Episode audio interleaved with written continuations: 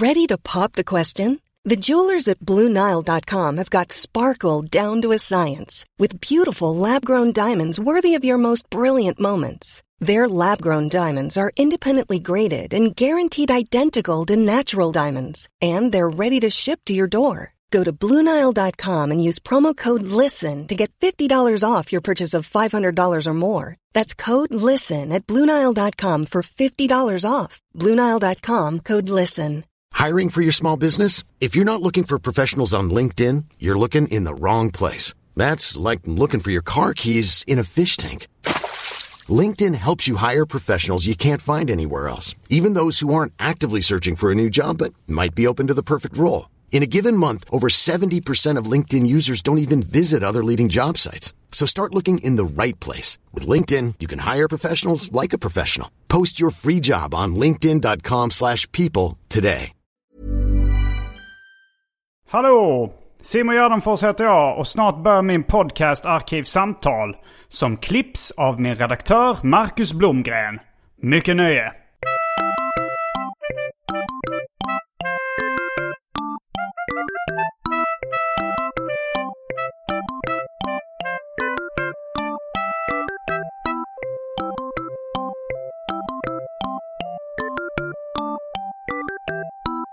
Hej och välkomna till Arkivsamtal. Jag heter Simon Gärdenfors och mitt emot mig sitter Johan Andreasson. Det stämmer bra. Du har varit med här eh, förr i podden. Ja, det stämmer. Jag har varit med ett antal gånger och vi pratar ju i regel om tecknade serier. Har vi pratat om någonting annat någon gång? Nej, alltså det, det är väl mer som, den här podden är ju ganska bra på stickspår. Så det har Mm. kanske förmodligen blivit ett stickspår som, om något annat. Men huvudämnet har ju alltid haft någonting med serier att göra. Just det. Och så är fallet även den här gången.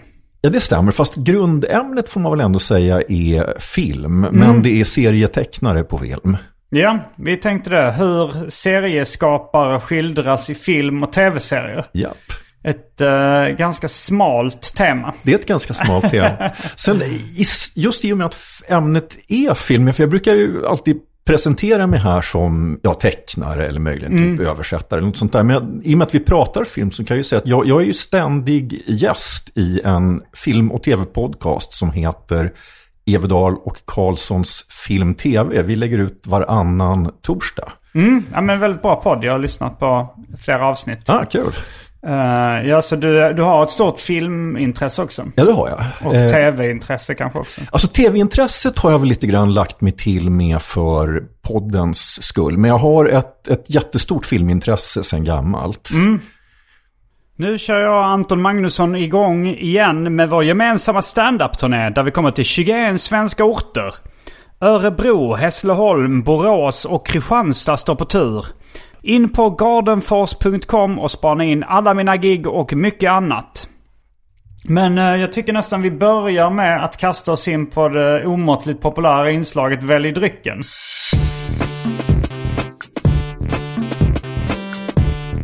Jag tror vi börjar med det fasta inslaget Välj drycken! Ja, och då, då är det ju så att precis det första jag såg faktiskt när jag kom in här var en eh, väldigt eh, vacker karaff med bourbon i. Ja. Och det skulle ju nästan kännas som en förolämpning att inte välja bourbon. Ja, du ska få höra alternativen i Ja. alla fall. Fanta Zero, Snapple, Gin Tonic, Budweiser, Bourbon nyss nämnd. Nicka Whisky, Amarula Cream, Grand Marnier, eh, Hennessy, Vodka, Bacardi, Ma- eh, Malibu, Passoa, Mer Passion, Häxblandningen. Det vill säga alla drycker som fanns i min kyl innan ni genomgick en så kallad corporate rebranding. Och för tråkmånsar och nejsägare, vatten. Okej, men jag, jag väljer bourbon och sen så att säga någonting eh, till. Jag lade märke till att det var ingen folköl den här gången. Jo, eh, jag var bara lite... ef- ef- Eftersom du redan hade bestämt dig så, Okej. så tänkte jag bara... Jag, då sa jag Budweiser eller något sånt där. Och den är faktiskt en 3-5. Ja, men en 3-5 och en modest bourbon låter väl som en bra deal. Det låter bra. Det, det är bara en modest måndag klockan 13. Ja, precis. det, är ändå efter lunchtid. Ja, en dansk lunch. ja.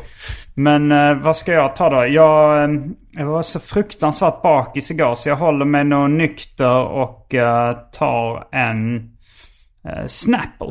Okej, som Seinfeld brukade dricka har jag Mm. Ja. för mig. Ja. Det, just det, jag tänkte på det är inte så mycket. De, de har nog aldrig haft någon serietecknare i Seinfeld-tv-serien vad jag kan minnas. Nej, jag, Men jag, dock jag, har han ett stort Stålmannen-intresse. ja det stämmer. Stålmannen är, är med desto oftare. Jag, kom på en modern tv-serie där en, en serietecknare har en biroll. Men den kan vi ju komma till så Mm. småningom. Ja, men då är vi strax tillbaks med dryckerna kända från det omåttligt populära inslaget Välj drycken. Häng med!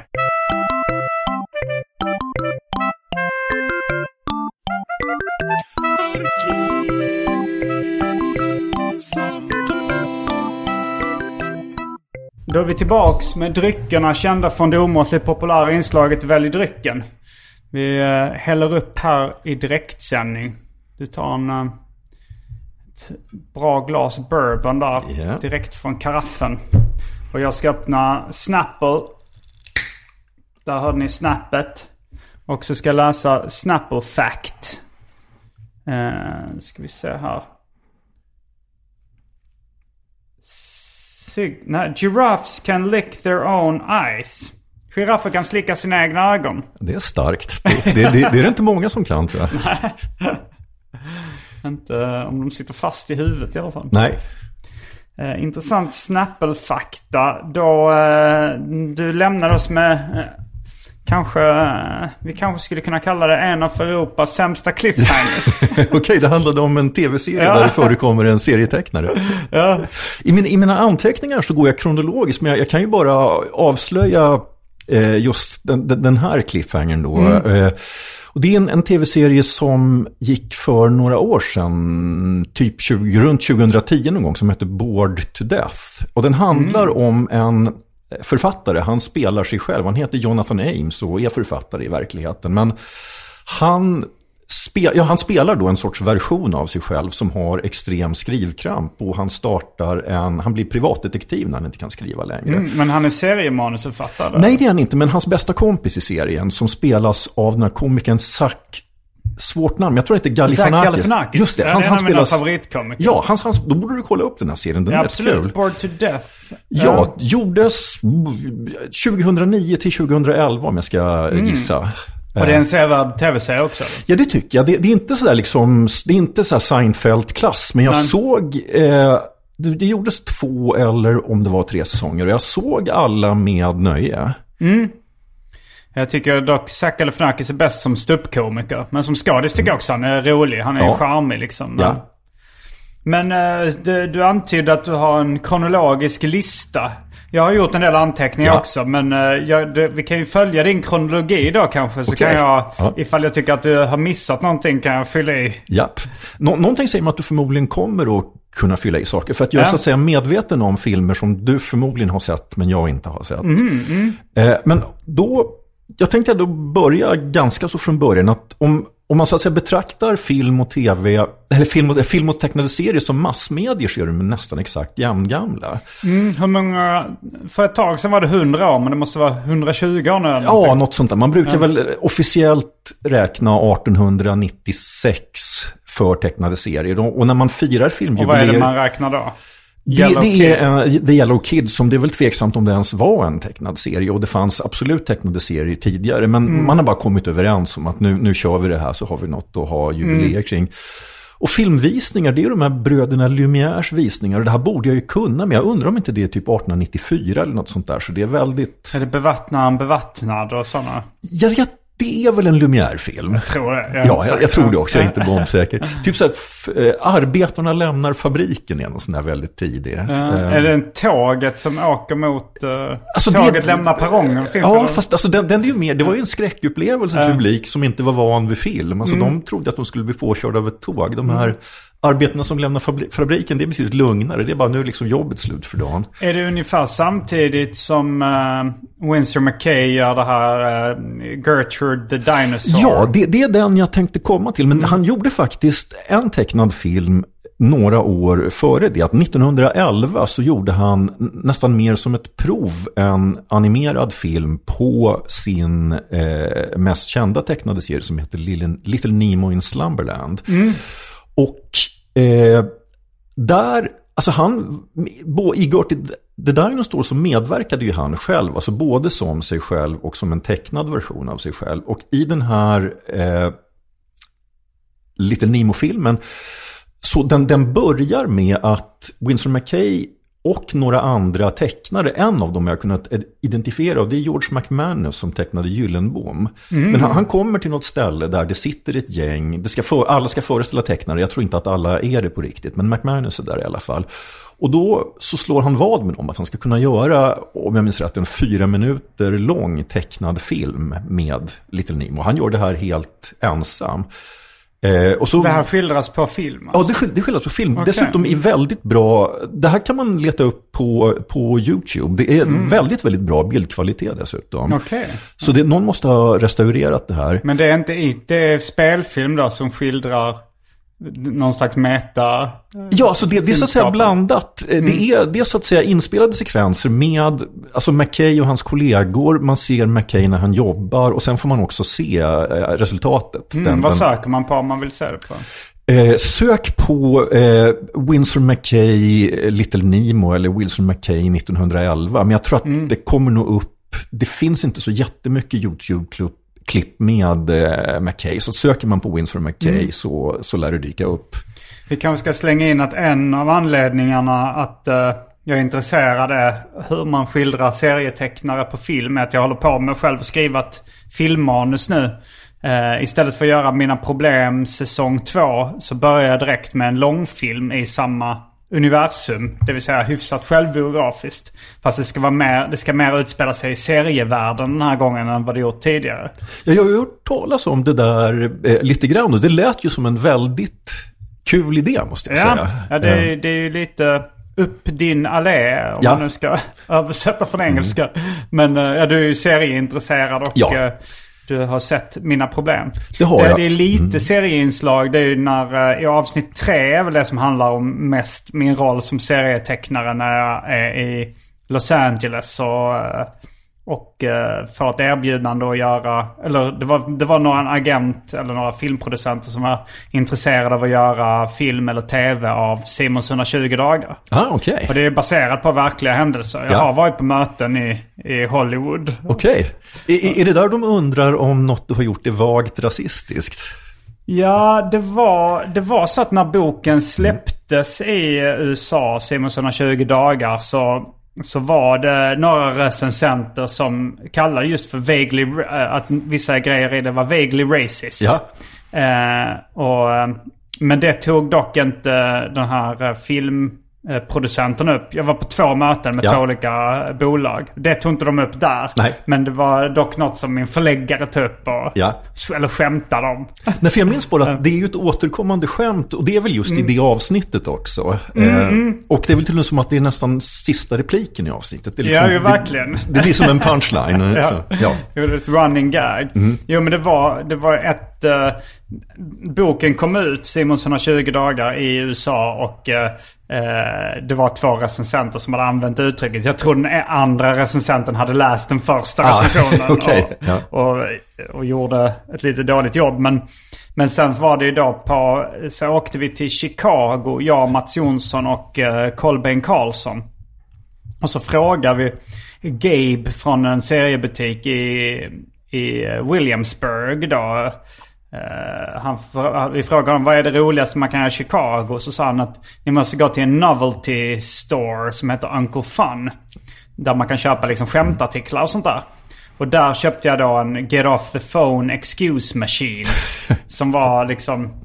Ja, men det var ljudeffekter ja. som skulle vara en ursäkt för att man sa ah, jag måste sluta mm, här. Ja. Jag hör eh, polissirener i bakgrunden. Så kommer man så woo, woo, woo. Eller, och så hade jag den och eh, på så åkte vi till en seriemässa i, eh, i USA, eh, i Chicago då som heter C2E2.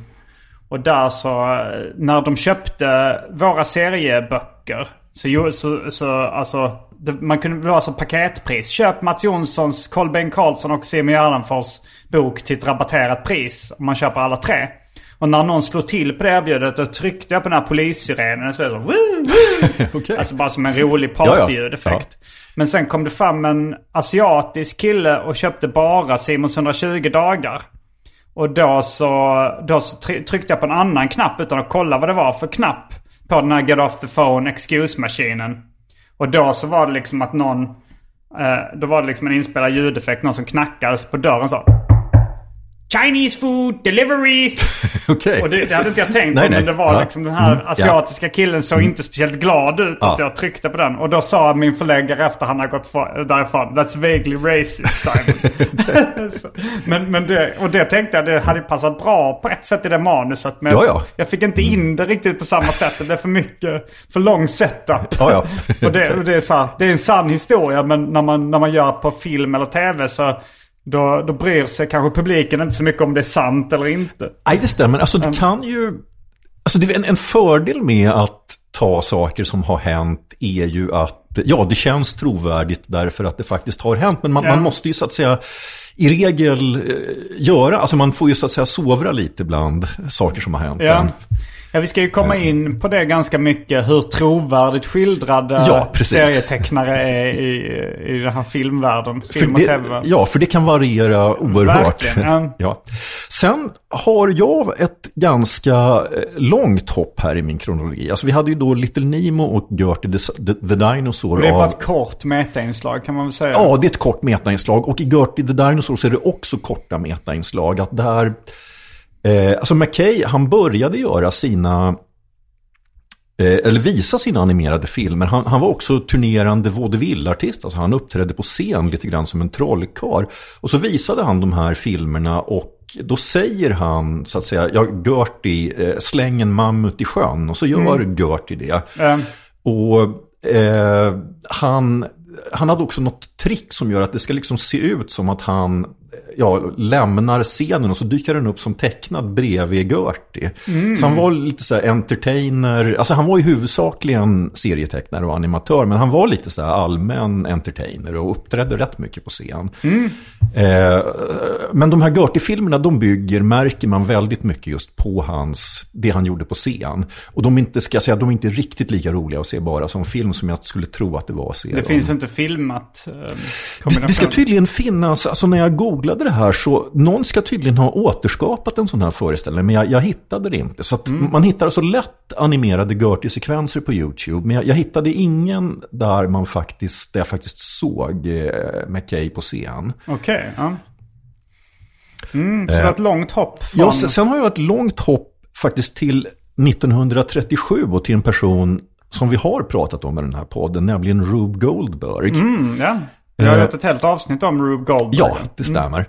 Och här så, och alltså vi pratar just om hur, hur serietecknare framställs på film. Och här då på 1930-talet och, och så, så kommer det vara en ganska lång period att Alltså Winsor McKay, han är ju verkligen en, en pionjär och då liksom tecknade serier, det är något sorts nästan experimentell eh, verksamhet i tidningar. Och ofta har, man kanske är, tecknar en serie åt en tidning där man är anställd, men serien kanske bara går i den tidningen. Men i takt med att serierna blev mer och mer populära i dagstidningarna så då, då startade man speciella syndikat som sålde serierna över, över hela landet. Och det gjorde att då kunde de här att gjorde man en populär serie som såldes till hundratals tidningar, då, då blev man helt enkelt väldigt rik. Så att serietecknare på ja, 30-40, kanske in på 50-talet var dels Alltså verkligen riktiga höginkomsttagare. De Alltså, framgångsrika. Ja, väldigt, ja, de framgångsrika, precis. Och dessutom eh, så blev de en sorts eh, kändisar också. Och den här filmen Artists and Models är ett exempel på det. Att den, jag har inte lyckats se den. Den, den finns Det är en film på- från 37. Ja, det är en film från Artists and 37. Models. Eh, och jag har inte lyckats hitta den någonstans. Så det här har jag bara läst mig till. Och du har inte, du, eh, har du som princip, du laddar inte ner från torrent-sidor och sånt eller? Nej, inte. Alltså det har faktiskt hänt för poddens räkning när, om det bara har skitit sig totalt med liksom en officiell länk eller något sånt där. Ja. Men, men jag, jag har inte som, och så det, det beror lika mycket på att jag är väldigt oteknisk som att, att jag har höga principer. Okej, Eh, så den kanske finns på um, det Pirate kan, Bay? det kan man tänka sig. Det skulle annars vara en väldigt, så att säga, jag, jag vet inte hur vanligt det är att folk som lägger upp eh, grejer på Pirate Bay är intresserade av så gamla filmer. Ja, men det finns rätt mycket gammalt där. Okej, ja. Ja, vi får se. Artists and Models. Ja. Men Jag har Men inte in- heller sett den. Nej, men, men alltså det här är så att säga en ren så här cameo-uppträdande. Det, det är alltså bara en kort scen där Rube Goldberg är, är med som sig själv. Okej, ja. Eh, och he, alltså han, han är där i egenskap av kändis. Alltså man ska då, wow, det är Rube Goldberg. Eh, Okej, ja.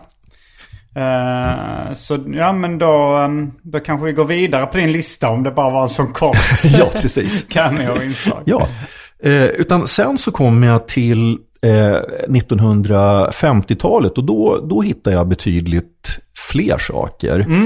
Eh, och det finns ju då en kategori filmer som, alltså under 50-talet då, då, då uppstod ju en, en stor eh, seriedebatt. Alltså det var ju då när serietidningarna började bli eller de blev väl populära redan på 40-talet, men, men det var på 50-talet så började man liksom uppfatta serietidningen som någonting som det var, kunde till och med vara farligt att läsa. Det drogs igång kampanjer mot, mot Ja, han. Dr. Wertham. Ja, precis. Dr. Wertham i USA och i Sverige så fanns det en man som hette Nils Bejerot som, Mm. som skrev och, och varnade. Och båda de var på 50-talet. Ja, det här är på 50-talet. Eh, och det här satte, satte spår i filmer. Så att i Sverige så finns det en film som heter Hoppsan av Povel Ramel. Där han, Mm. han spelar serietecknaren Hubert Yrhage eh, som tecknar serien Monstret. Ja, Och, den har eh, jag faktiskt sett. Jag köpte den på DVD. Ja. Min, uh, min storebrorsa tror jag hittade den någonstans och tipsade om den. Men den är ju, den är ju skojig på sitt sätt. Ja, alltså den är ju väldigt, vad ska man säga, alltså det är inte mycket, det är, det är verkligen en crazy film. Alltså det är väl någon sorts historia, men den, den liksom eh, verkligen eh, vinglar hit och dit. Och den säger ju, alltså tittar man på så att säga hur serietecknare skildras, då säger den ju inte så jättemycket. Men Det däremot, är, det är väldigt konstigt. Alltså den här Pavel Ramels eh, som serietecknare. Han, Mm. han, han liksom ställer upp modeller på en liten scen i sin Ja. serieateljé. ja, Och eh, hänger upp pratbubblorna med snören liksom, Ja. från taket. Och sen ritar han av allting. Liksom. Och det, så tror jag ingen serietecknare någonsin har jobbat. nej, och det är väl dessutom så att han skriver ju inte manusen själv heller, utan de kommer från en liten pojke som jag tror heter X27 i filmen, som sitter och liksom fantiserar ihop eh, saker. Undrar varför de valde att göra det så knasigt. Liksom. Alltså att, det var, alltså att vara knasig var väl lite Povels grej. Ja. Eh, men, men så att säga det, det som faktiskt avspeglar verkligheten rätt bra, det, det är ju just de här eh, alltså kampanjmötena mot serieeländet. Att, så, Mm. det kan jag tänka mig att det var nog ganska mycket så det gick till när folk... Ja, I filmen så blir han utsatt för censur och Ja. eh, något av ett drev kanske. Och det, och det är en rättegång också i filmen har jag för mig. Ja, det, visst, visst är det det. Eh, och För han blir anklagad Mm. för, jag kommer inte ihåg vad det var, men någon slags uh, obscent skildrande eller om det är bara våld eller vad det är. De, eh, Ja, alltså det, det är väl framförallt våld har jag för mig i det här fallet. skräck, liksom. Ja, ja. Eh, men, men som sagt, det här, det här var ju någonting som hände eh, tecknare och förlag i, i verkligheten. Och i, i många, många år så fanns det ju på amerikanska serietidningar uppe i ena hörnet en, en sån här, såg ut som ett litet frimärke där det stod Approved by the Comics Code. Och det här var ju något som förlagen la sig till med för att, helt enkelt för att slippa bli censurerade. Att de, de insåg att om, om inte vi inför en, en självcensur, en sorts förhandsgranskning av tidningarna så kommer vi bli utsatta för någon form av statlig, eller i och med att det var i USA hade det då blivit en delstatlig censur som så jag hade varit ett totalt helvete för, alltså rikstäckande förlag och så är det plötsligt olika censurregler i olika delstater. Det hade varit fullständigt omöjligt att ge ut tidningar på det sättet. Det påminner lite om Parental Advisory, eh, klistermärket som Ja. fanns på rapskivor i USA och sådär. Men Eh, eller som kanske fortfarande finns. Men det är inte riktigt samma sak. Det här är att de är godkända. Ja, precis. Det, det, det är till och med nästan är- motsatsen. För att, Ja. så att säga, parental advisory, det, det är väl så att säga med att tala om att här finns det något snusk. Ja. Och den här serien sa att här finns det inte något Ja, jo. snusk. Eh, jo, men den här filmen, det finns ju en film, eh, Comic Book Confidential. Det är ju det är Mm. en dokumentär om serietecknare. Det är kanske inte riktigt det vi ska prata Nej, om. det stämmer. eh, Så att jag har dem. inte sett om den inför det här. Men, Men där pratar ja. vi mycket om det. Att Ja. William Gaines som hade EC och sen startade... De startade Mad, Ja. serietidningen sen. Men de var ju väldigt eh, eh, utsatta av den här uh, liksom seriecensur. Ja, eh, alltså, alltså man kan till och med, det, det finns till och med ett direkt samband mellan de här, så att säga, antiseriekampanjerna och att, att Mad blev så framgångsrik. Därför att Gaines kassakor, alltså det som han verkligen drog in pengar på, det var just, och det får man ju faktiskt säga, rejält grova skräckserier. Att man kan ju, alltså läser man dem nu, man kan förstå att föräldrar inte ville att deras barn skulle läsa de där serierna. Men de, de, de, de är, det är bra, alltså det är en bra liksom, konstnärlig nivå på dem, men de är fortfarande rätt otäcka. Och de, de sålde fantastiskt bra. Men han, han fick ju lägga ner i stort sett alla sina tidningar utom just Mad som han hade dragit igång då. Och då, men han, han blev så, han, han ledsnade så mycket på, på de här restriktionerna som, som serietidningar utsattes för. Så att han ändrade formatet. Alltså Mad började ju som en vanlig serietidning, alltså i serietidningsformat och i färg. Men för att slippa den här förhandsgranskningen så gjorde han om den till ett magasin eh, i svartvitt och större format. Eh, och det var det som gjorde att tidningen verkligen blev, blev populär. Att då så, det var inte så att den inte var populär som serietidning, men nu så kom den liksom utanför vad ska man säga, det här seriegettot. Eller att den hamnade liksom bland de vanliga magasinen och, och, och blev så småningom eh, väldigt, väldigt framgångsrik. Det, det, sen bidrar det väl också att då hade ju så att säga Gaines bara, han, han fick till slut bara en tidning kvar av ganska många. Och då satsade liksom allt på ett kort med mycket marknadsföring. Och de, Ja, och Mad Mm. var liksom en crazy humor serietidning. Eh, inte, inte renodlade serier. Det var lite liksom vissa illustrerade inslag och Ja, eh, artiklar och sånt där. Men eh, det är mycket parodier Ja. och, och sånt där. Det är förvånansvärt många jag har träffat eh, i, idag som inte vet vad Mad är för någonting. Nej, så det har väl helt enkelt att göra med att du träffar en del människor som är yngre. Jag vet inte var gränsen går för MAD, men är man yngre än 40 så har man nog ingen riktig relation till MAD tror jag. Nej, jag är ju 43. Ja, så men- du, du är nog bland de yngre. Ja, det kanske är det. För, Ja. för det var ändå alltså, så här, ganska stort när jag var liten. Men det, det, det, var inte, det var inte så att alla läste Mad Nej. i min klass. Nej, och så, så var det inte. Alltså när, när jag läste tidningen, det var ju i början på 70-talet. Alltså det var väl sådär Det kanske aldrig varit så att i Sverige att alla läste Mad. I Nej, USA inte, kanske inte, att, mer. inte att alla läste men däremot alltså alla, jag kan nog säga att alla i min ålder eh, och säg lägg, dra ifrån 10, alltså tar du folk som är födda på 50, 60 och kanske till början på 70-talet så skulle jag nog tro att Alltså 100% av Sveriges serietecknare har, har läst Mad. Och på något sätt- Serietecknare? Teck, precis. Ja, ja, för. För, men men det, var, det var ingen liksom jättetidning upplagemässigt i Sverige. I USA så var den däremot det. Alltså under sina bästa år så var det en, sån här, en tidning som, som hade, alltså, sålde flera miljoner av ett nummer Mm. när, när det gick som allra bäst. Ja, men eh, för jag kommer ihåg någon gång du berättade om att Fantomen var så att när du växte upp så var man nästan lite konstig om man inte läste Fantomen. Ja. Att det var som så här, ja men som att inte ha mobiltelefon eller något sånt Ja, där. lite grann. Eller att, att vi, vi, vi, har inte tv hemma. Det var lite så. Ja, ja. Ja. för nu är tv inte riktigt Ja. lika vanligt längre. Men jag Nej, nej, men det, nej, just det, det stämmer. För man tittar Ja, ju ja. inte nödvändigtvis på en tv. Det Ja men stämmer. att välja så här, när vi, Ja. vi, vi låter inte våra barn ha mobiler liksom. Ja. Så, så. Ja okej, men, ja, men uh, hoppsan. ehm, ja alltså den, den, är, den var ju ganska skojig. Ja, det, det, eh, det tycker jag. Det är en, det är en under, alltså den, är, den är lite eh, förvirrad och sådär. Den, den, den har liksom eh, sina toppar och dalar. Men, men den är, absolut, det är absolut en sevärd film tycker Mm. jag.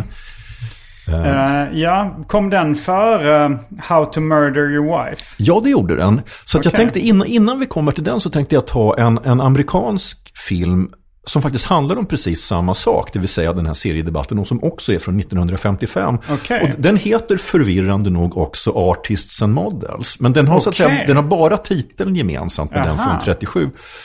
Och den här från 55, det är en film, alltså innan de blev soloartister så var eh, Dean Martin och Jerry Lewis etablerade som ett komikerpar. Mm, det har jag läst om i olika comedy-historieböcker. Ja, och de, de var ju väldigt stora på ja, 50-talet framför allt. Och Mm. började kanske på 40-talet till och med. Eh, Kommer du ihåg varför de splittade? Eller var det bara... Alltså jag tror helt enkelt att det, det är väl som när folk, att turnerar man tillsammans i åratal, alltså man börjar ju gå varandra på nerverna helt Mm. enkelt. Och alltså det är ju det, det är under liksom en väldig press. De gjorde, jag tror de gjorde 14 filmer tillsammans. Och den här Åh, Artist and. Models är deras näst sista. Och jag menar, har man liksom turnerat, då hade de säkert turnerat tillsammans i mer än 14 år. Och eh, alltså man, man är ju under liksom en viss ja, det, det är inte liksom världens sådär lättaste jobb att göra. De producerar så, så mycket film. Så att, eh, för jag, jag har ju så att säga läst intervjuer med, nu är väl båda döda till slut tror jag, även om åtminstone Jerry Lewis blev ju jättegammal. Eh, Man ska inte blanda upp honom med Jerry Lee Lewis. nej, precis. Som tror jag häpnadsväckande nog fortfarande lever. Mm. Trots sin livsstil så... Eh, men alltså det var ingen liksom... Men Jerry Lewis, eh, komikern då. Ja, Eh, jag har sett att han fanns som seriefigur också. ja då, det gjorde han. Alltså jag tror han, det fanns en egen, han hade, det var en egen serietidning då i USA Ja. som hette Jerry Lewis. Ja, det var, det var inte jätteovanligt. Alltså det fanns med flera. Jag har en Bob Hope-film som jag kommer komma till om en stund. Och Bob Hope fanns också som, som tecknad Han var också serie. väldigt känd ståuppkomiker. Ja, precis. Eh, Första gången jag Mm. hörde talas om Bob Hope, det var när jag var väldigt liten och gick på, Ma- och var på Malmöfestivalen. Och då hade de någon sån här liksom bumper stickers eller något liknande. Alltså så här, som jag bara såg, liksom, det var så här liksom snuskiga skämt och, och kanske politisk satir på låg nivå. Okej. Och då, och då så stod det så här. I USA så har de Ronald Reagan, Bob Hope och Johnny Cash. I Sverige har vi Ingvar Carlsson. No hope, no cash. Okej. Men jag visste inte vem Bob Hope var. Ah, men det var första gången det namnet dök upp. Okej, ja, men då, då, då gjorde det ju någon nytta i alla fall. Det här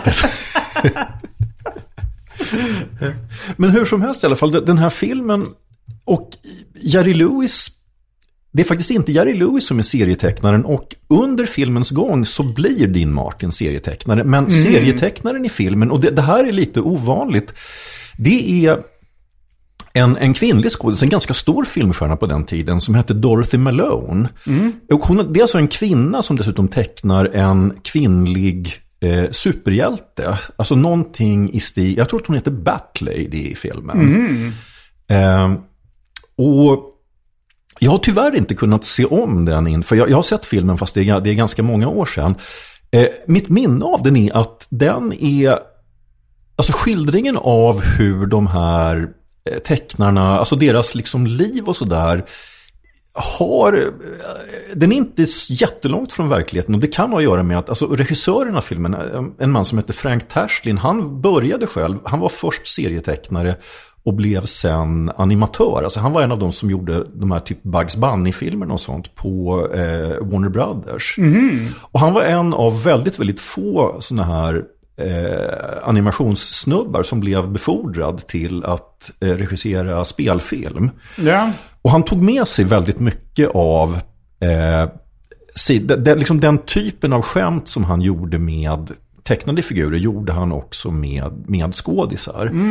För det kan man ju tycka om man, om man kollar på gamla Chaplin. Mm. Och sen jämför det med Musse Pigg och andra tidiga tecknade filmer. Så Ja. det är ändå ganska liknande fysisk humor. Ja, Eh, alltså slapstick och snubbelhumor Japp. och folk som fastnar i maskiner och sånt Ja.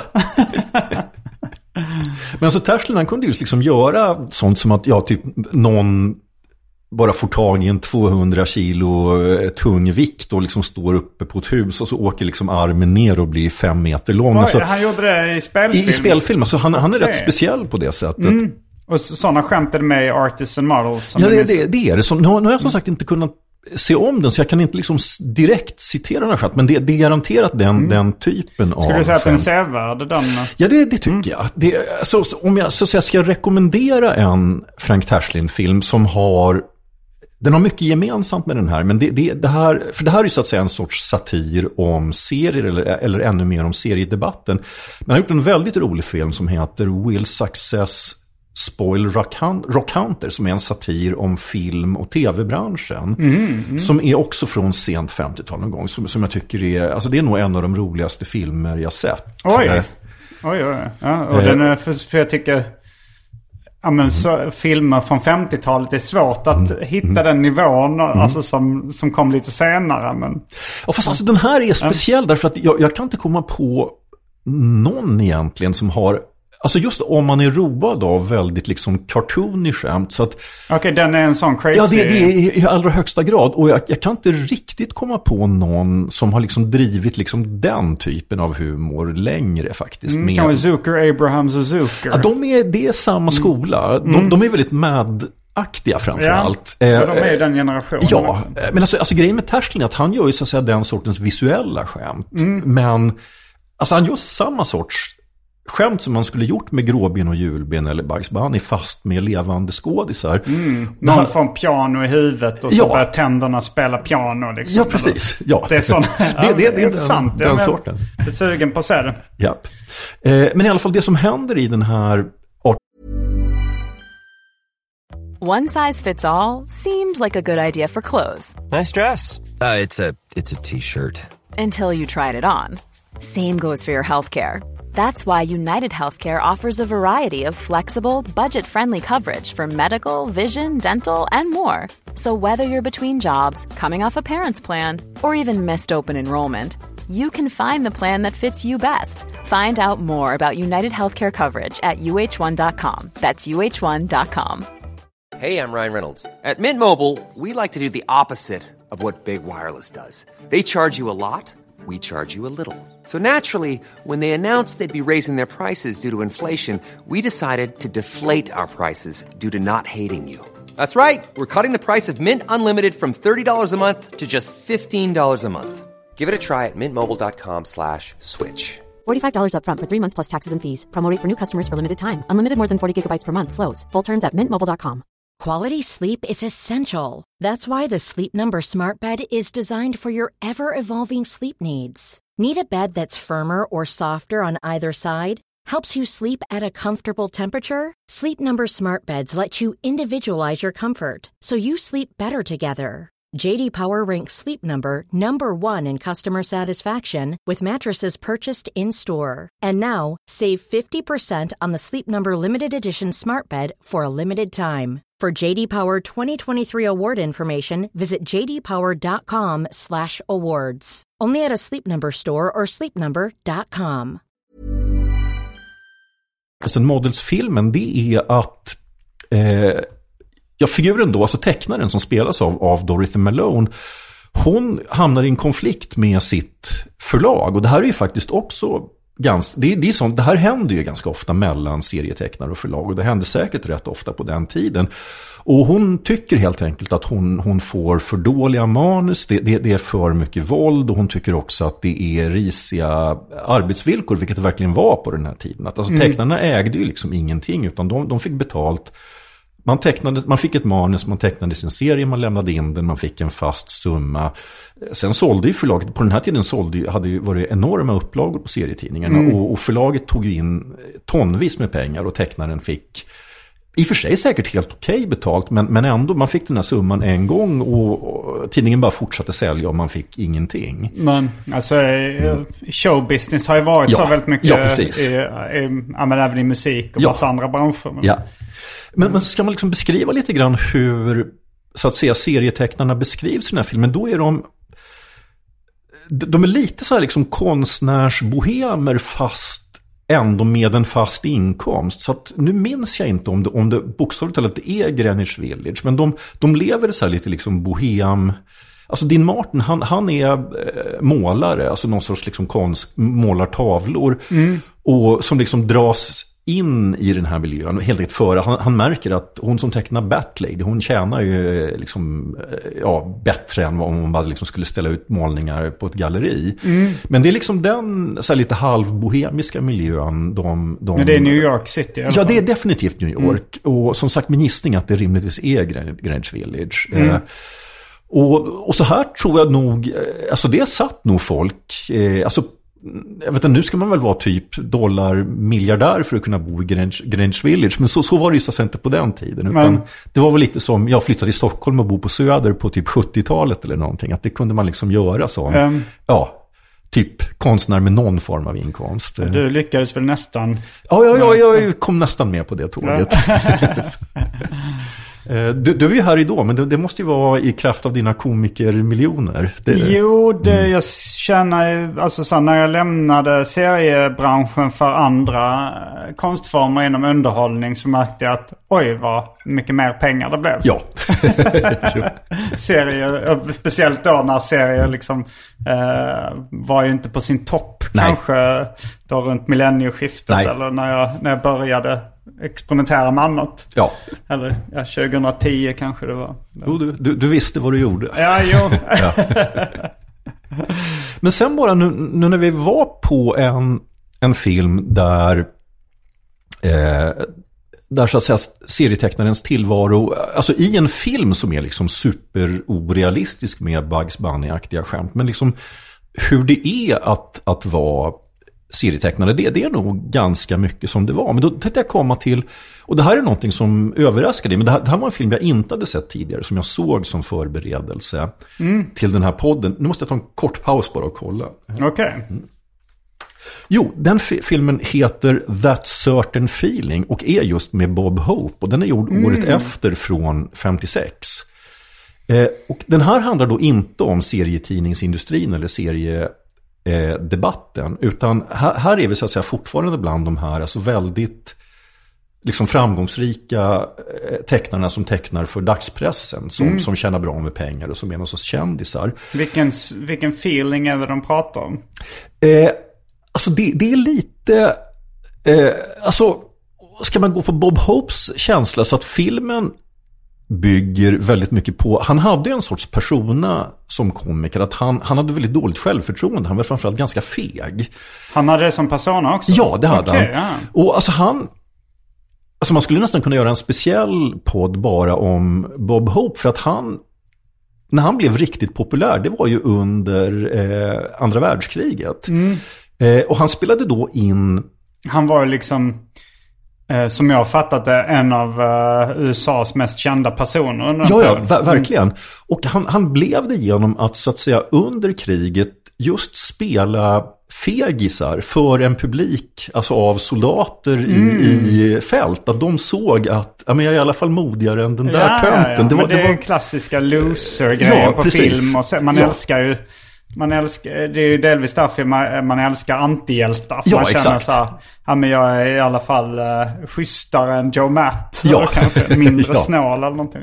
Jo. Men, eh, ja, men Eh, Bob Hope, jag läste också att han, att han hade, han, hans shower, liksom det var, det var liksom för, ja men säkert så här 30-40 tusen ibland liksom i publiken. Ja. Och då så åkte han till någon, någon stad. Om, låt oss säga att han ska åka till en, en halvstor stad i eh, ja, men Houston eller någonting. Liksom. Och så, eh, eller, eller ja, men då, då lät han typ tre skämtskrivare åka dit några dagar innan och läsa dagstidningar och skriva dagsaktuella lokala skämt. Som han sen fick och kom dit och liksom uppträdde. Så han hade så mycket pengar att han kunde liksom åka dit uh, skämtskrivare. Och så blev det ju så blev det dagsaktuella lokala shower liksom och skämt. jo, det stämmer. Alltså, alltså han, han hade ju, alltså nu bara antar jag att, jag menar, i ditt fall så vet jag väl ganska säkert att du skriver ju dina egna skämt. Eh, men så var det ju inte nödvändigtvis på, på den här tiden. Så Bob Hope, han, alltså kan det vara så att han i vissa sammanhang betraktas som den första stand-up-komikern, eller i alla fall en pionjär? Nej, jag, jag har aldrig hört att han skulle Okej, räknas ja. som det. Det fanns ju absolut folk före Ja. honom. Men, uh, Ehm. men han kanske var den, f- den första riktigt stora stjärnan. Ja, så, så kan det kanske vara. Så som sagt, stand-up historia är in, Men- inte riktigt mitt ämne. Men eh, han, han, han var definitivt så, så stor att han, han, han hade ju en, så säga, en stab av anställda författare. Precis som, som du beskriver det här, att de kunde åka till en stad eh, i förväg. Och man var ju Eh, tvungen att göra det då före internet. Att man Ja, kunde- precis. Svårt att läsa lokalnyheter. Ja, just det. eh, Annars. Ja. Eh, Men i den här filmen, That Certain Feeling, där tar han så att säga med sig den här så att säga loser-personen fast till serievärlden. Så att han spelar en assistent till en väldigt framgångsrik tecknare av en populär dagspressserie. Och alltså sättet som det här skildras på är faktiskt otroligt likt hur det fungerade i verkligheten. Därför att de här de här riktigt populära tecknarna, de, de blev liksom enormt eh, efterfrågade som offentliga personer. Att de var med på talkshows, de skulle liksom åka runt på colleges och hålla föredrag. De kunde liksom göra lite allt möjligt. Så att, så att en, en, en person, när man skulle liksom sälja in och etablera en serie, då, då gjorde man ju så att säga, då gjorde man ju jobbet själv. Men hade man väl en framgångsrik serie, då anställde man en hel stab av medarbetare. Att man kunde Alltså man kunde ha en stab med just alltså skämtförfattare, med någon som tuschade ens teckningar, kanske någon som var specialist på bakgrunder. Alltså det var som en, liksom en, en, en business, för det här, det här drog in mycket pengar. Och den den här, den här filmen handlar om eh, just att Hope, som i det här fallet då är en eh, alltså väldigt schysst och väldigt skicklig tecknare, men med uselt självförtroende, blir anställd hos en enormt eh, superdryg typ verkligen. Som har den här liksom framgångsrika serien och som åker runt och glassar medan Bob Hope tecknar serien åt honom. eh, och filmen är, alltså det är inget mästerverk men det, alltså jag blev faktiskt förvånad över hur nära verkligheten, eh, hur, hur nära så att säga, hur, hur nära liksom det faktiskt gick till att göra en, en, en dagspressserie på 40 och 50-talet som den här filmen ligger. Sen är ju så att säga detaljerna inte, de, de har inte bemödat sig det minsta om att det ska se ut som på riktigt. Så att när Bob Hope sitter och tecknar, då har han på sig en skjorta helt utan tuschfläckar och fluga. Eh, och liksom sitter och alldeles uppenbarligen vet knappt hur man håller en penna eller någonting. Så, det- så det har de inte jobbat på det minsta. Men liksom allt som liksom kretsar kring Industrin. hur, ja, inte kring just industrin är faktiskt väldigt, väldigt realistiskt skildrat. Men eh, du skulle säga att uh, Artists and Models är, är mer sevärd. Eh, jo, ja, alltså jag tycker nog att båda är...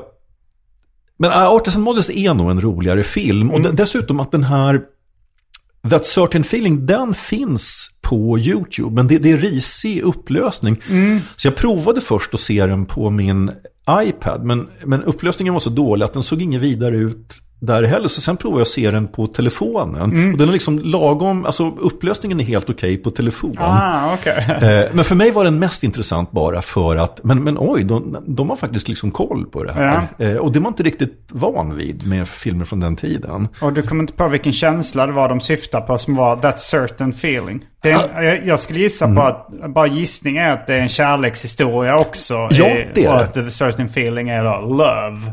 Det är inte det? Eh, Så kan det, alltså det, alltså som det nästan alltid var med Bob Hopes filmer. För han, han var ju då, eh, alltså han var ju verkligen så här liksom allsidig entertainer. Så han var ju liksom, han kunde sjunga, han kunde dansa. Och det är nästan alltid musiknummer med i filmerna. Och filmen lanserar en låt som heter That Certain Feeling. Okej. Eh, och det är en... Eh, den hör till en kärlekshistoria. Eh, just ska jag säga, alltså om... För jag vill ändå inte avråda från att se den här filmen. För den har ett verkligen enormt roligt eh, parti. Eh, och alltså om vi då kommer in på kärlekshistorien, då, då är det så att den här väldigt framgångsrika tecknaren, han ska precis gifta sig. Och den kvinna han ska gifta sig med är alltså Bob Hope, då, alltså i form av serietecknare, hans före detta fru. Så att han är också, han är inte bara liksom arg på att han är otroligt dryg och han tjänar mer pengar fast det är Bob som gör jobbet. Utan han ska dessutom gifta sig med hans eh, före detta, ja, med, med hans exfru.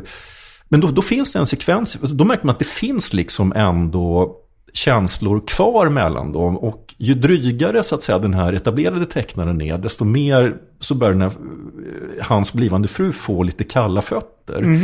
Och det, det är någon sån här väldigt liksom tillkämpad, man måste på något förklara att eh, de hamnar tillsammans i den här tecknarens lägenhet och det, det uppstår någon sorts, eh, hon kan inte åka hem, jag tror att det är så att de förklarar att det är någon tunnelbanestrejk och hissen fungerar inte eller något. Men Okej. då, då är de i alla fall i den här liksom väldigt flotta lägenheten och just, ja lite som här då med att det står mycket sprit framme och det slutar med att de, liksom, de, de blir rätt packade och det blir någon sorts party och man, det här är en film från 56 men det framgår den tydligt att då, då, då, det slutar med att de har sex. Eh, och det är väl det som tror jag då är that certain feeling när de liksom eh, kommer tillsammans igen. Okej. ja. Eh, Men det kan också vara bara att det var en Ja. hitlåt. De tänkte den här låten Ja. blev en hit. Vi ska köra, liksom, eh, vi ska glida på succén av låttiteln också. Men- Där, jag är lite osäker, men alltså som sagt det är, eh, det, det är liksom inte så här liksom superuttänkt till någon, Nej. någonting egentligen tror jag.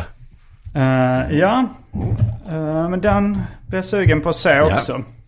Var det den där uh, Al Capt hade en Just cameo? det, det, det kan man ju så att säga bara... bara Jag har sett på dina sociala medier så Just har du det. postat upp mycket. ja, just det. Ja, jag har ju Eh, lagt ut bilder medan jag sett de här filmerna. Mm.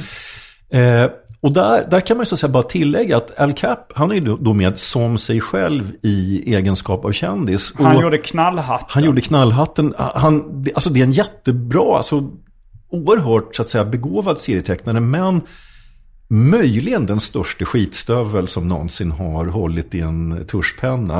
Att jag kan säga att om det hade funnits metoo på Al Caps tid, då hade han blivit cancelled inom tre sekunder. Okej, jag, jag, har inte, jag har inte läst men jag, jag har hört det ryktet också. Ja. Och när jag läste eh, en Elvis-biografi så har jag för mig att det var en sekvens där Al Cap blev utkastad från en fest då. Ja. Han var ju liksom en sån kändis som... Ja.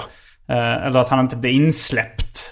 Ja, förmodligen med, med goda skäl. Alltså han... Men var, var det att han tafsade eller var det Alltså det var, det var så? betydligt värre än så. så det, det rörde sig om våldtäkter i hans fall. Okej. Eh, Men han blev aldrig, aldrig anmäld eller dömd eller? Nej, alltså han hade, alltså, eh, alltså väldigt rika och framgångsrika personer hade ju en förmåga att klara sig undan det här. Men, men det, det blev ändå så att det, eh, alltså han, hans karriär, han kunde ju fortsätta med sin serie, men, men när så att säga det här började komma ut så eh, det blev inte riktigt vad det hade varit. Det, det finns också en, en, en biografi om honom. Så att, alltså det, här, det, det är verkligen inte bara rykten utan Eh, han, eh, eh, han kan tävla med Harvey Weinstein.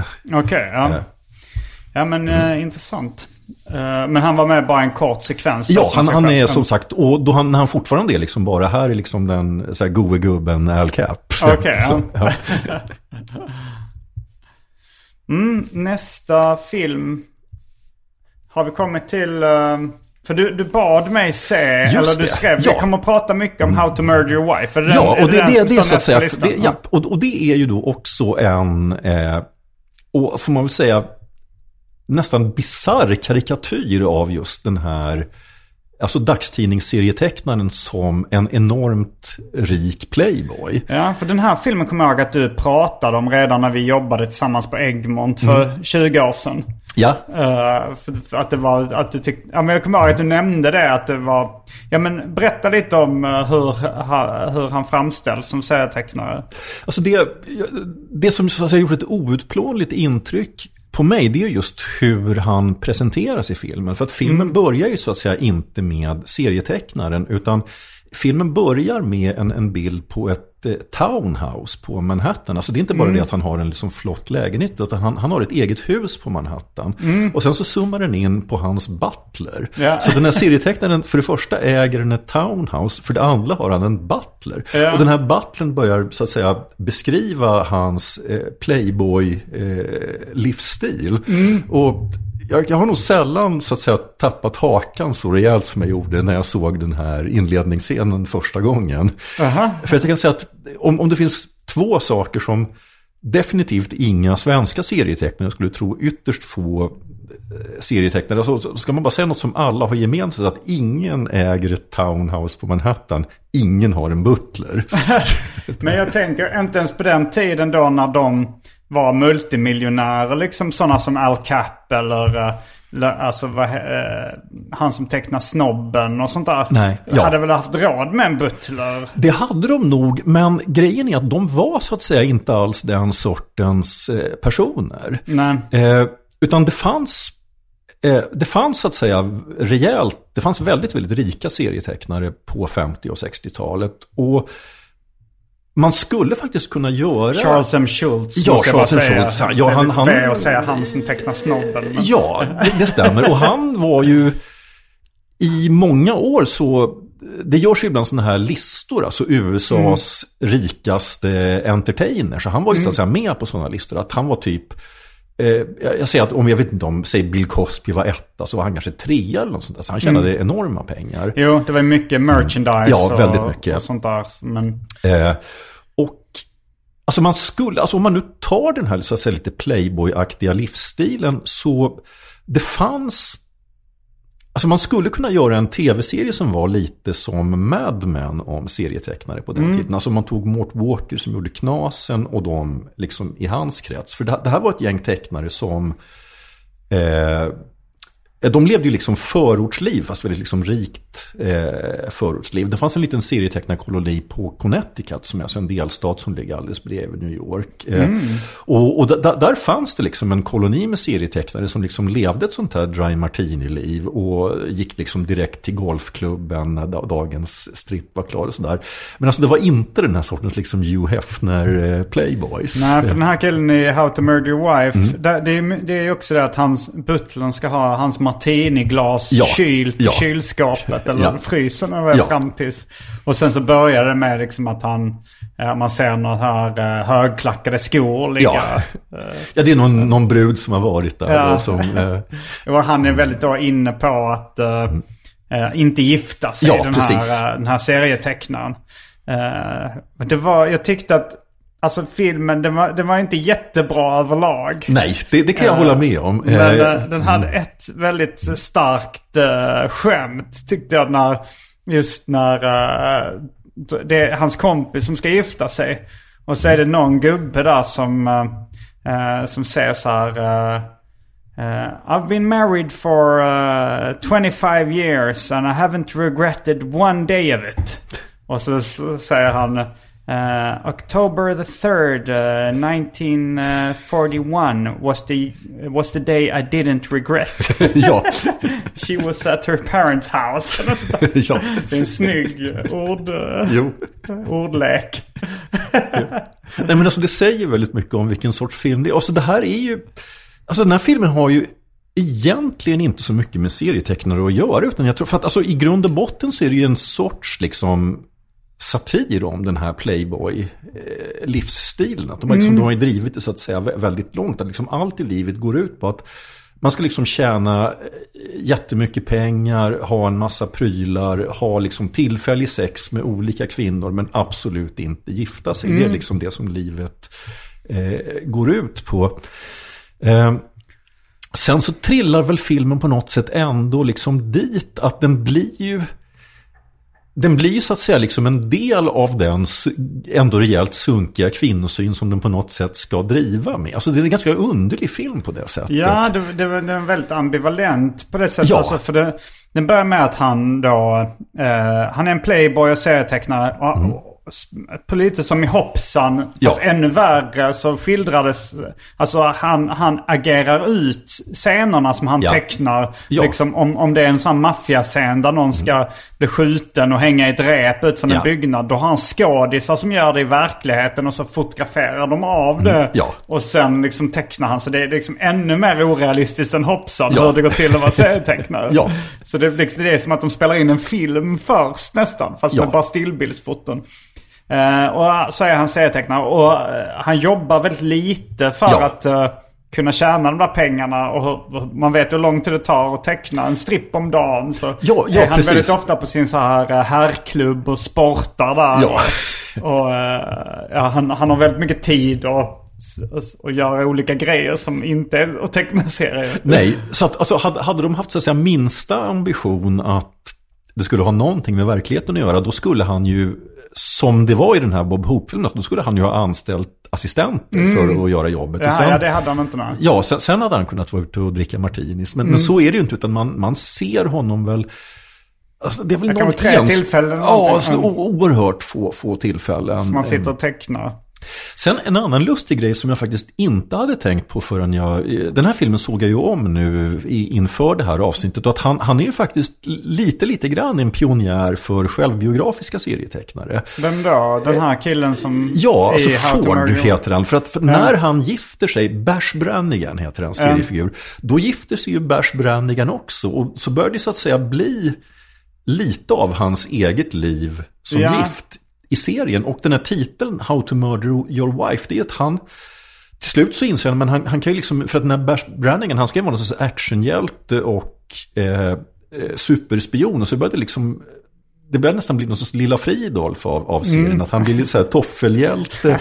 Och det är den sortens skämt. Och det, det får ju liksom lite garv. Alltså filmen är ju liksom lustig. Det, den har, alltså ett skämt som jag tyckte var kul var just han har ritat ett sånt här toffelhjälteskämt. Och utanför hans townhouse så pågår, det är ett running här, det pågår hela tiden byggnadsarbete som stör honom. Och då sitter en byggjobbare på en byggnadsställning och läser ett av de här toffehjälteskämten och garvar åt dem. Som, då ser han genom fönstret. Det, men det är väl B-skämt alltså, i själva serien han tecknar. Mm. Ja. Det, det är så här, för det bygger mycket på hans liv. Och Mm. så är det så här att ja, men han, han bjuder, de bjuder hem något annat par, han och hans fru. Och så spiller eh, de en gryta med, med liksom tomatsås eller Jo. sånt över en kille. Eller han, han spiller över sin kompis, råkar då, han snubblar. Ja. Och sen så är det slutklämmen i, i liksom seriestrippen. Det är bara att han så snubblar och spiller ut en gryta med Ja. tomatsås. Ja, ja. Och sen alla tycker det är så svinkul. Han träffar någon som säger så här. Ja det där när de spillde tomatsåsen. Det var kul. Ja, ja. Att det är så här, det är ingen twist. Det är Nej, bara... nej. Ja, alltså det, det hade man nog inte riktigt kommit undan med ens 1955. Utan så, Alltså, så här- dåliga skämt. Nej, jag tror inte det. Nej, det var orealistiskt på många sätt. Ja. Och så en, en annan film som är... Eller en film, en, en annan sak som är väldigt underlig. Det, det är just att...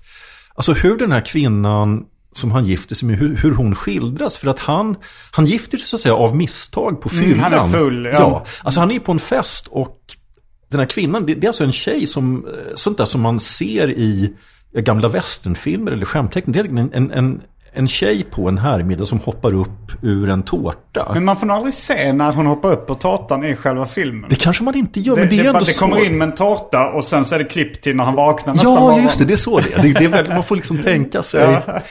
Eh, men hon talar, hon är ju italienska då, hon talar inte engelska. Även skådisen var det va? Ja, även skådisen var det. Och, men alltså hon får ju inte ens ett namn i filmen. Alltså hennes förnamn nämns aldrig, utan hon presenteras som Mrs Ford. Eh, och eh, jag minns inte exakt vad som är kriterierna för Bechdel-testet. Men alltså om Två en kvinn... kvinnor ska ja, prata med Ja. Mm. varandra och de ska prata om någonting annat än eh, män. Ja, eh, men om, om man då sänker ribban jättemycket. Att en kvinna som är med i eh, en film bör åtminstone ha ett namn. Alltså den här filmen uppfyller inte ens det kravet. Men jag minns att de har två kvinnor som pratar med varandra i alla fall. Alltså hon Ja, det stämmer. Miss Ford och Ja. eh, hans eh, kompis fru pratar med varandra i någon scen. Mm. Men det är frågan är om de pratar om någonting annat än män. Nej, min, det är min känsla är att de pratar nog om sina män. ja, skulle jag tror tro. också det. Ja. Så att som sagt, det här är... Alltså jag, jag har lite av en fixering vid den här eh, filmen. Jag har sett den eh, tre eller fyra Ja, gånger det, nu. Jag minns ju för 20 år sedan. Ja, ja, var det det, det, jag, den. jag, har, jag har fortfarande inte kunnat släppa det. Ja, men det, det, han har ju väldigt snygg lägenhet. Ja, ja, oerhört. För att alltså, det, det, alltså, det är verkligen en, en besynnerlig film. För att den är också... Alltså de flesta av dem... De här filmerna där serietecknare är med, det, det är liksom ofta filmer, det, det är sällan liksom så stora påkostade produktioner. Utan det, det är ofta liksom lite sådär, kanske inte riktigt B-filmsaktigt, men det var liksom verkligen inte kioskvältarna. Men det här är verkligen en, alltså filmen är ju skitsnygg. Det, det, det är alltså stora stjärnor, det är Jack Lemmon.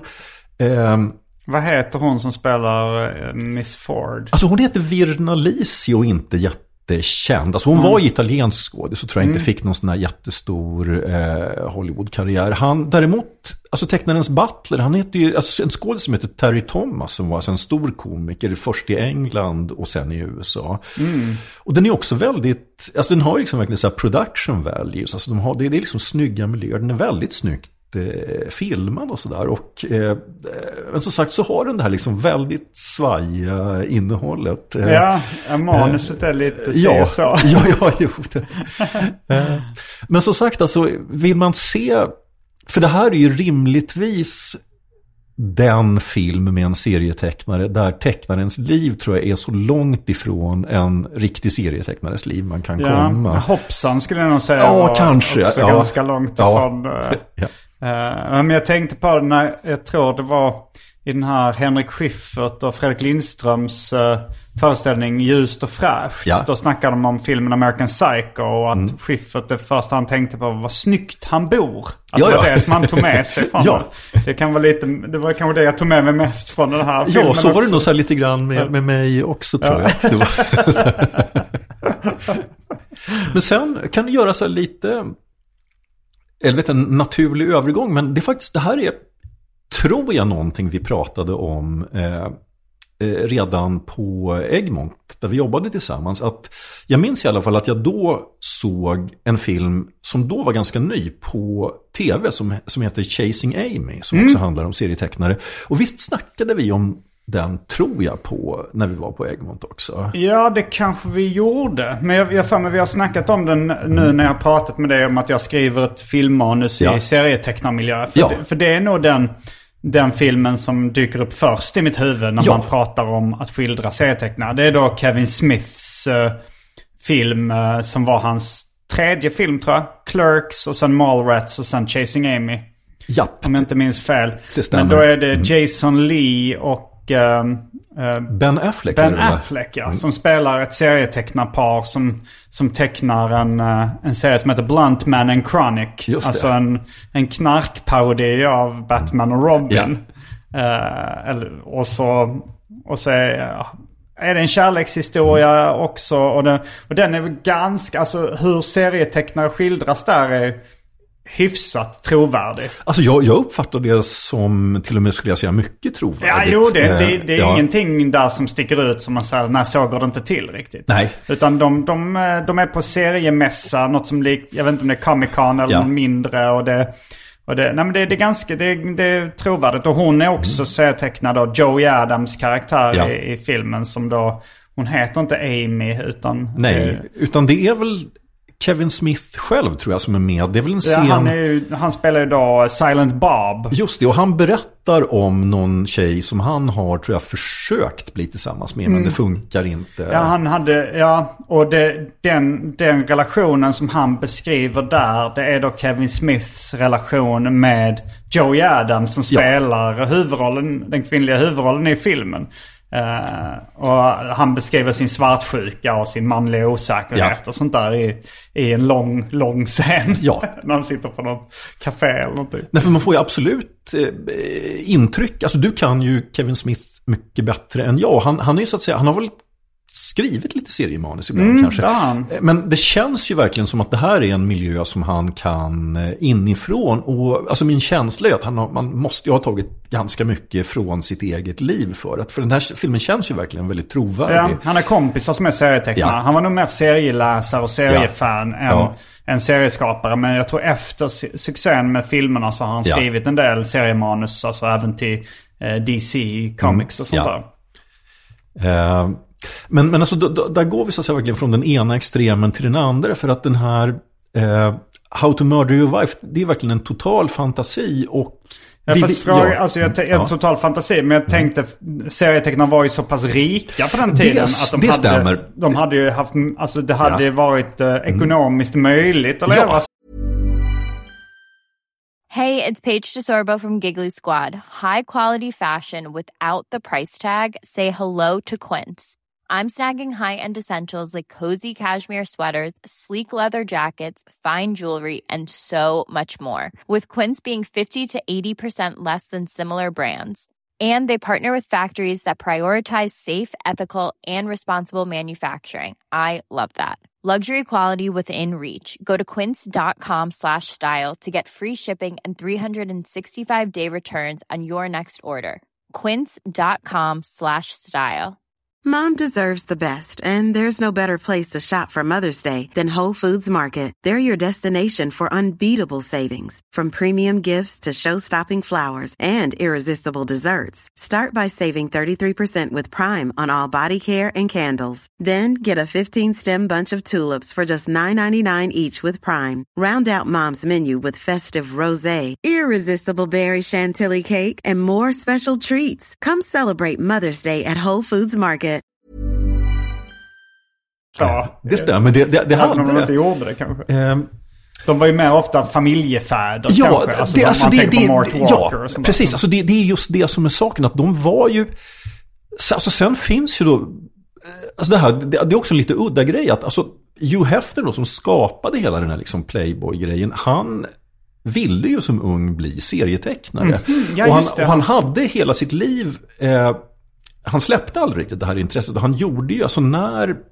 Eh, för ett tag så var ju då Playboy en väldigt stor tidning. Eh, och som hade råd att betala väldigt höga arvoden. Han tog ju så att säga in en del serietecknare i den här Playboy-världen och gav dem då mycket, mycket mer eh, pengar än vad de kunde få. Alltså han tog in folk som, som jobbade med serietidningar. Och det mest kända exemplet, vi pratade lite om Mad tidigare, det är då Harvey Kurtzman som, som var den som startade Mad.